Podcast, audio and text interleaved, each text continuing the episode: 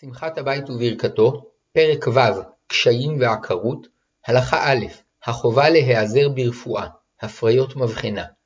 בני זוג שהתברר להם בבדיקות אמינות שבאופן טבעי הסיכוי שיזכו לילד נמוך מאוד, חייבים לעשות את כל מה שמקובל על פי הרפואה כדי לקיים את מצוות פרו ורבו בבן ובת, ובכלל זה גם הפריית מבחנה, שמתבצעת על ידי נטילת ביציות מהאישה וזרע מהאיש, והכנסתם יחד למבחנה, כדי ששם יתחברו ויתחילו להתפתח לעוברון, שאותו יכניסו אחר כך לרחם.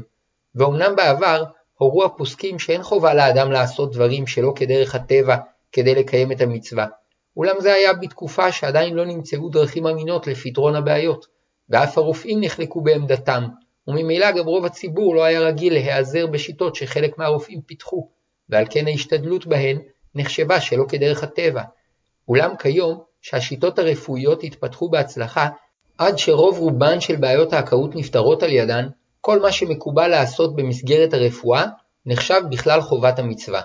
וברור שהחיוב כולל את כל הטיפולים שקופות החולים צריכות להעניק למבוטחים שלהם, ונראה שגם טיפולים שאינם כלולים בביטוח הבריאות הרגיל, אם הם טיפולים שרוב האנשים שחפצים בילדים רגילים לעשותם, חובה לעשותם גם אם מחירם יקר, כדי לקיים את מצוות פרו ורבו. גם מי שכבר זכה לקיים חובת פרו ורבו מהתורה, מצווה שיוסיף להוליד ילדים בעזרת הכלים שהרפואה מעניקה. אולם כאשר הדבר דורש מאמץ גדול, אין זה אלא הידור. שמחת הבית וברכתו, פרק ו', הלכה ב' מתן זרע לצורך הפריה או בדיקות. במקרים של קושי להיכנס להיריון, יש לפעמים צורך לבצע בדיקת זרע, כדי לגלות את הסיבה לעיכוב ההיריון, ולעיתים יש צורך להשתמש בזרע עצמו כדי לעבר את האישה, אם על ידי הזרקתו לתוך הרחם, או לשם הפריה במבחנה. הדרך להוצאת הזרע היא שהאיש ישמש עם אשתו כאשר ילביש קונדום על עברו, וצריך שיהיה זה קונדום מיוחד, שאין בו קוטל זרע שיהרוס את אפשרות הבדיקה, ויהיה בו חור קטנטן שיאפשר למעט מאוד זרע לצאת, ובאופן זה לדעת כל הפוסקים אין איסור של הוצאת זרע לבטלה. כאשר אין להם קונדום שיש בו חור קטן, או כאשר נטילת הזרע היא לצורך הפריית מבחנה כדי למנוע מחלות גנטיות, מותר לשמש עם קונדום בלא חור, ונראה שגם לזה יסכימו כל הפוסקים. כאשר אין אפשרות לשמש עם קונדום, כגון שצריך להביא את הזרע תוך זמן קצר למעבדה, לדעת רוב הפוסקים מותר שהאישה תביא את בעלה להוצאת זרע לתוך קונדום או כלי שמיועד לכך בעזרת חיבוק או בידיה, וגם לזה ייתכן שהכל יסכימו. יש סוברים שכאשר צריך לבדוק את סיבת העקרות משום חומרת איסור הוצאת זרע לבטלה, צריך לבצע קודם את כל הבדיקות האפשריות באישה. ולמעשה, יש להקדים את הבדיקות שנעשות בקלות על ידי האישה, ולאחר מכן מותר לבצע את הבדיקות הנדרשות אצל האיש, מפני שכל עוד האישה מסייעת לבעלה בהוצאת הזרע, הרי זה בכלל קיום המצווה. כאשר אין אפשרות לשמש עם קונדום, וגם האישה לא יכולה לסייע לבעלה בהוצאת הזרע, כי היא בימי טומאתה, לרוב הפוסקים מותר לאיש להוציא את זרעו לשם כך לתוך כלי, ויש מחמירים, ולמעשה, כאשר אין שום ברירה אחרת, אפשר להקל. שמחת הבית וברכתו, פרק ו', הלכה ג' מחלות גנטיות. שאלה שכיחה במצוות פרו ורבו, האם איש שנושא מחלה גנטית קשה, חייב במצווה למרות שיש סיכון רב שייוולד לו ילד שסובל ממחלה קשה. נחלקו בזה הפוסקים. יש אומרים שחובה עליו להוליד בן ובת, שכן, גם אם ייוולדו לו ילדים חולים, יקיים בהם את המצווה, שגם על ידם הוא מיישב את העולם. מה עוד שיש סיכוי של כ-50% שייוולדו לו ילדים בריאים ושלמים. ויש אומרים שהתורה לא חייבה לפרוץ ולרבות כאשר יש סיכון משמעותי שייוולד ילד שחייו יהיו רצופים בסבל. למעשה, יש לשאול בזה שאלת חכם. אמנם כיום, בחסדי השם, לרוב המחלות הגנטיות נמצא פתרון, שכן אפשר לבצע הפריית מבחינה, ולאחר מספר ימים לבדוק את מצבם של העוברונים, ולהחזיר לרחם האם את העוברונים שאינם נושאים את המחלה הגנטית. לפיכך ההלכה היא שבכל מקום שאפשרות זו עומדת לרשות בני הזוג, חובה עליהם לקיים את המצווה באופן זה, כדי שלא להוליד ילדים שיסבלו ממחלות.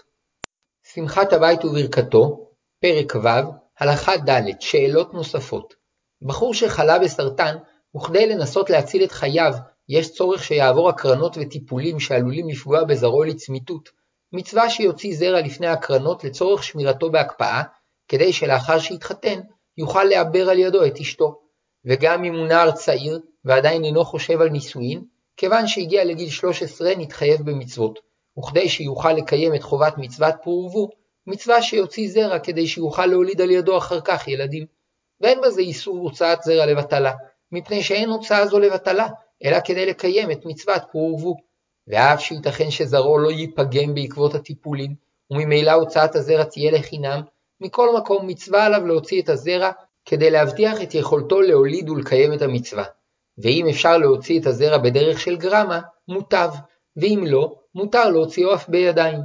היו האיש או האישה חולים באיידס, ובכל חיבור ביניהם עלול בן הזוג להידבק במחלה, והדרך היחידה למנוע זאת היא על ידי קיום התשמיש עם קונדום שיחצוץ ביניהם, יש אומרים שאסור להם לשמש עם קונדום, הואיל והשימוש באופן זה דרך קבע נחשב כהוצאת זרע לבטלה, ולכן חובה עליהם להתגרש. ויש אומרים שהאיסור לשמש בקונדום הוא במצב רגיל, כדי למנוע הריון, אבל כאשר הניסיון להתחיל הריון עלול לסכן את חיי האיש או האישה, מותר להם לשמש בקונדום, שבאופן זה הם מקיימים לכל הפחות את מצוות עונה, והלכה כמותם. שמחת הבית וברכתו, פרק ו', הלכה ה' פרו ורבו לבעלי מוגבלות שכלית או נפשית. אנשים שלוקים בפיגור שכלי או בעיה נפשית, שאינה מאפשרת להם ליטול אחריות על הטיפול בילדים, פטורים מקיום מצוות פרו ורבו, ואפשר ללמוד זאת מכך שמצוות הנישואין נדחתה עד אשר יעצב האיש את תפיסת עולמו, ותהיה בידו היכולת לפרנס את משפחתו. ומי שאינו מסוגל ליטול אחריות על הטיפול בילדיו, אפילו ברמה פחותה, אינו חייב במצווה. וגם כאשר יש בידם אפשרות להתחתן, עליהם למנוע הריון, והדרך הקלה לכך על ידי התקן תוך רחמי. שמחת הבית וברכתו, פרק ו', הלכה ו', ממזר. נחלקו הפוסקים אם אדם שחטא בניוף והוליד בן ובת ממזרים, קיים בהם את מצוות פרו ורבו. וכן נחלקו הפוסקים האם יש מצווה לממזר לישא אישה שמותרת לו, ממזרת או גיורת, ולהוליד בן ובת, למרות שאף הם יהיו ממזרים. יש אומרים שגם לממזר יש מצווה להוליד ילדים, למרות שילדיו יהיו אף הם ממזרים, וכפי שלמדנו בתלמוד, שדין סוטה חל גם על זוג ממזרים, שאם יתעורר ביניהם חשד, מוחקים את השם הקדוש ומשקים את הממזרת מי סוטה כדי לעשות שלום ביניהם, למרות שלאחר שישלימו יולידו ממזרים. ויש אומרים שעדיף שהממזר לא יוליד ילדים, כדי שלא להרבות ממזרים בישראל. והראיה לכך שהציעו חכמים לממזר לישא שפחה כדי לתאר את זרעו, למרות שלא יקיים בהם מצוות פרייה וגבייה, כי הם אינם מיוחסים אחריו. כלומר, לצורך תקנת הממזר, התירו לו לישא שפחה שמוצאה מעם אחר וקנויה ליהודי, כדי שגם הילדים שייוולדו לו יחשבו עבדים כמותה, וממילא לא יירשו את הממזרות, ואחר שהם ייוולדו ישחררו אותם, ובכך יהיה דינם כדין עבד משוחרר, שהם ישראלים כשרים שאין בהם פגם ממזרות. הרי שעדיף לממזר שלא לקיים מצוות פרו ורבו, כדי שלא להעביר את פגם הממזרות לזרעו. שמחת הבית וברכתו, פרק ו', הלכה ז', היה נשוי עשר שנים ולא ילדו. היו נשואים עשר שנים ולא ילדו, שיערו חכמים שמסתבר שכבר לא יזכו להוליד יחד, ועל כן קבעו שחובה על האיש לגרש את אשתו ולשלם לה את כתובתה, ולשאת אישה אחרת כדי לקיים את חובת מצוות פרו ורבו. ואף שהגירושין כמוהם כחורבן, ואמרו חכמים כל המגרש אשתו ראשונה, אפילו מזבח מוריד עליו דמעות, חובת המצווה קודמת, שעל ידה זרעו של האדם נמשך אחריו, ובדרך כלל הצער העכשווי על הגירושין קטן מהצער לטווח ארוך מחסרון הילדים. אמנם בזמן שנהגו לישא שתי נשים, הייתה לאיש אפשרות נוספת, לשאת אישה שנייה בלא לגרש את אשתו הראשונה, וכדרך שעשתה שרה אימנו, שנאמר, ותיקח שרה אשת אברהם את הגר המצרית שפחתה, מקץ עשר שנים לשבט אברהם בארץ כנען, ותיתן אותה לאברהם אישה, לא לאישה. היה להם בן או בת, למרות שעברו עשר שנים מהלידה האחרונה, וכבר אין סיכוי שיקיימו את מצוות פרו ורבו בבן ובת, אין האיש חייב לגרש את אשתו, כי את המצווה הכללית, שעבורה נברא העולם, מקיימים כבר בילד אחד. אם במשך אותן עשר שנים שלא נפקדו, היה האיש או האישה חולים, או שנפרדו עקב נסיעה ממושכת, זמני החולי והפרידה אינם עולים למניין עשר שנים. נכנסה האישה להיריון והפילה, סופרים עשר שנים מעת שהפילה. היו גרים בחוץ לארץ ועלו לארץ, מתחילים לספור עשר שנים, מתחילים לספור עשר שנים משעה שעלו לארץ, שאולי זכות הארץ תועיל להם. וכן בני זוג שהיו גרים בארץ ויצאו לתקופה מסוימת, הזמן שהיו בחוץ לארץ אינו עולה להם לחשבון. אם האיש סבור שהוא עקר, ולכן לא זכו לפרי בטן, אינו צריך לגרש את אשתו. אבל אם אשתו תרצה להתגרש ממנו כדי להתחתן עם איש אחר ולזכות בילד, יהיה חייב לגרשה ולשלם לה את כתובתה. ואם תרצה, תוכל להישאר עמו, מפני שמצוות פור ורבו לא הוטלה עליה כחובה. ראוי להדגיש, חובת האיש לגרש את אשתו לאחר עשר שנים אינה קובעת שהיא הכרה, אלא רק שלשניהם יחד אין כמעט סיכוי להוליד ילדים. אבל ייתכן שעם גבר אחר תזכה לילדים, ולכן ההלכה היא שמותר למי שעוד לא זכה לילדים לשאת אותה לאישה, ואם לאחר עשר שנים לא תלד, יצטרך אף הוא לגרשה. ואז יהיה אסור למי שעוד לא קיים את מצוות פור ורבו לשאתה לאישה, שהואיל וכבר לא נפקדה משני גברים, מסתבר שהיא הכרה. כל מה שלמדנו שלאחר עשר שנים צריך האיש לגרש את אשתו, הוא כאשר אין חוות דעת רפואית ברורה. אבל אם לפני שעברו עשר שנים רופאים אמינים הגיעו למסקנה שאין סיכוי שהאישה תלד, למרות שלא עברו עשר שנים, יכול הבעל לגרשה כדי לקיים את מצוות פרו ורבו. וכן להפך, אם אחר שעברו עשר שנים רופאים אמינים סבורים שיש עדיין סיכוי סביר שתלד, אינו חייב לגרשה. שמחת הבית וברכתו, פרק ו', הלכה ח' היתרים שלא להתגרש. חובה זו שהטילו חכמים על מי שלא זכה לילדים במשך עשר שנים לגרש את אשתו, עלולה להיות כואבת מאוד, והיו אנשים, וביניהם תלמידי חכמים, שלמרות רצונם לקיים את מצוות פור ורבו, התקשו מאוד להיפרד מנשותיהם האהובות, שכרתו עמן ברית עולם, וחיפשו לעצמם היתר להמשיך לקיים את ברית נישואיהם. אכן, על פי כמה טענות, ניתן לעתים להתיר זאת.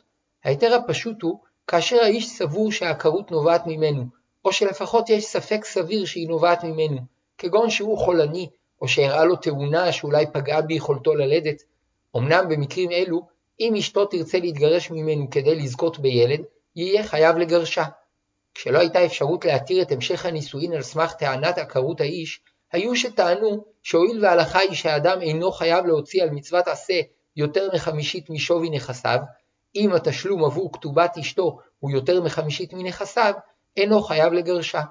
אמנם משמע מדברי הפוסקים שלא סמכו על טענה זו, אלא חייבו את האיש לגרש את אשתו ולשלם לה את כתובתה, וזאת משום חשיבותה היתרה של מצוות פור ורבו, שכדי לקיימה צריך להוציא יותר מחומש.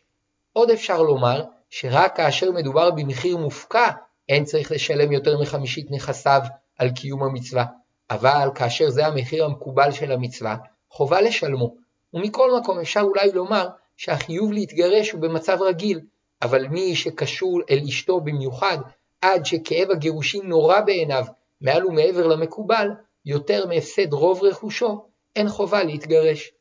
וכאשר סכום הכתובה גדול מכפי יכולת התשלום של הבעל, יש סוברים שאינו יכול לגרש את אשתו, ולדעת רבים, הואיל והגירושין נובעים מחמת חיוב ההלכה, כאשר אין לאיש יכולת לשלם את הכתובה, ישלם כפי יכולתו, ובית הדין יזקוף עליו את השאר כחוב, ואין מעכבין את הגירושין בשל כך. בחוץ לארץ, יש שרצו לסמוך על דעת מקצת הראשונים שסוברים שגם לאחר עשר שנים אין צריך לגרש. למעשה, בכל מקרה ומקרה שוקלים את מכלול הטענות, ובדרך כלל, על ידי צירוף שתי טענות, מורים היתר שלא לגרש. עוד טענה יכולה לפתור אותה מגירושין, כאשר האישה תסרב לקיים את הדין ולקבל את גיתה, שאז יוכל האיש לטעון שהואיל ועל פי תקנת רבנו גרשום אסור לגרש את האישה בלא הסכמתה, הוא פטור מלגרשה. למעשה, אם יתעקש לשאת אישה אחרת, יש אפשרות שיתירו לו באופן מיוחד לשאת אישה נוספת, אבל אם לא יתעקש, יישאר בנישואיו. אמנם היתר זהו בדיעבד, כי הוא מבוסס על סירובה של האישה לקיים את ההלכה. שמחת הבית וברכתו, פרק ו', הלכה ט', בני נוח. בני נוח שייכים גם הם למצוות פרו ורבו, וכפי שנאמר לנוח ובניו, ואתם פרו ורבו, שרצו בארץ ורבו בה. אמנם החיוב המפורט שחל על הגברים להתחתן עד גיל 20 ולכל המאוחר עד 24 ולהוליד בן ובת, אינו חל על בני נוח. בן נוח שהוליד בן ובת ואחר כך התגייר, קיים את מצוות פור ורבו, שכן גם בעודו גוי היה שייך למצווה. יש אומרים שגם אם ילדיו לא יתגיירו, קיים את המצווה, ויש אומרים שרק אם גם ילדיו יתגיירו, קיים את המצווה. כיוון שהמצווה לבני נוח היא כללית ואינה מוגדרת כחיוב גמור ומפורט, כאשר יש לאדם סיבות טובות להתבטל ממנה, יכול לכתחילה להיפטר מהמצווה, כגון במצב שיש חשש סביר שילדיו יהיו חולים, וכן כאשר יש חשש רציני שלא יצליח לחנך את ילדיו להיות אנשים טובים. יש אומרים שאסור לבני נוח להשחית זרע, שכן למדנו שעונש המבול הגיע בעקבות חטא זה של השחתה יחד עם עוד חטאים, שנאמר ותשחט הארץ לפני האלוהים, ותמלא הארץ חמס, וירא אלוהים את הארץ והנה נשחטה, כי השחית כל בשר את דרכו על הארץ, ויאמר אלוהים לנוח, קץ כל בשר בא לפניי, כי מלאה הארץ חמס מפניהם, והנני משחיתם את הארץ. ואמרו חכמים, מימי המבול קשים כשכבת זרע, שכן ברותחים קלקלו וברותחים נידונו, ברותחים קלקלו בעבירה, וברותחים נידונו במי מעיינות רותחים שגאו להטביעם. מנגד, יש אומרים שאין לבני נוח איסור להשחית זרע, כי איסור הוצאת זרע לבטלה תלוי בחובת מצוות פרו ורבו, ורק לפני המבול היו בני נוח חייבים במצוות פרו ורבו, אבל לאחר המבול לא נצטוו על פרייה ורבייה, וממילא גם אינם אסורים בהשחתת זרע. אמנם נראה שגם לדעת המקלים אין מעשה זה ראוי, שכן נכון שכל התשוקה הזו תהיה מכוונת להרבות אהבה במסגרת הנישואין.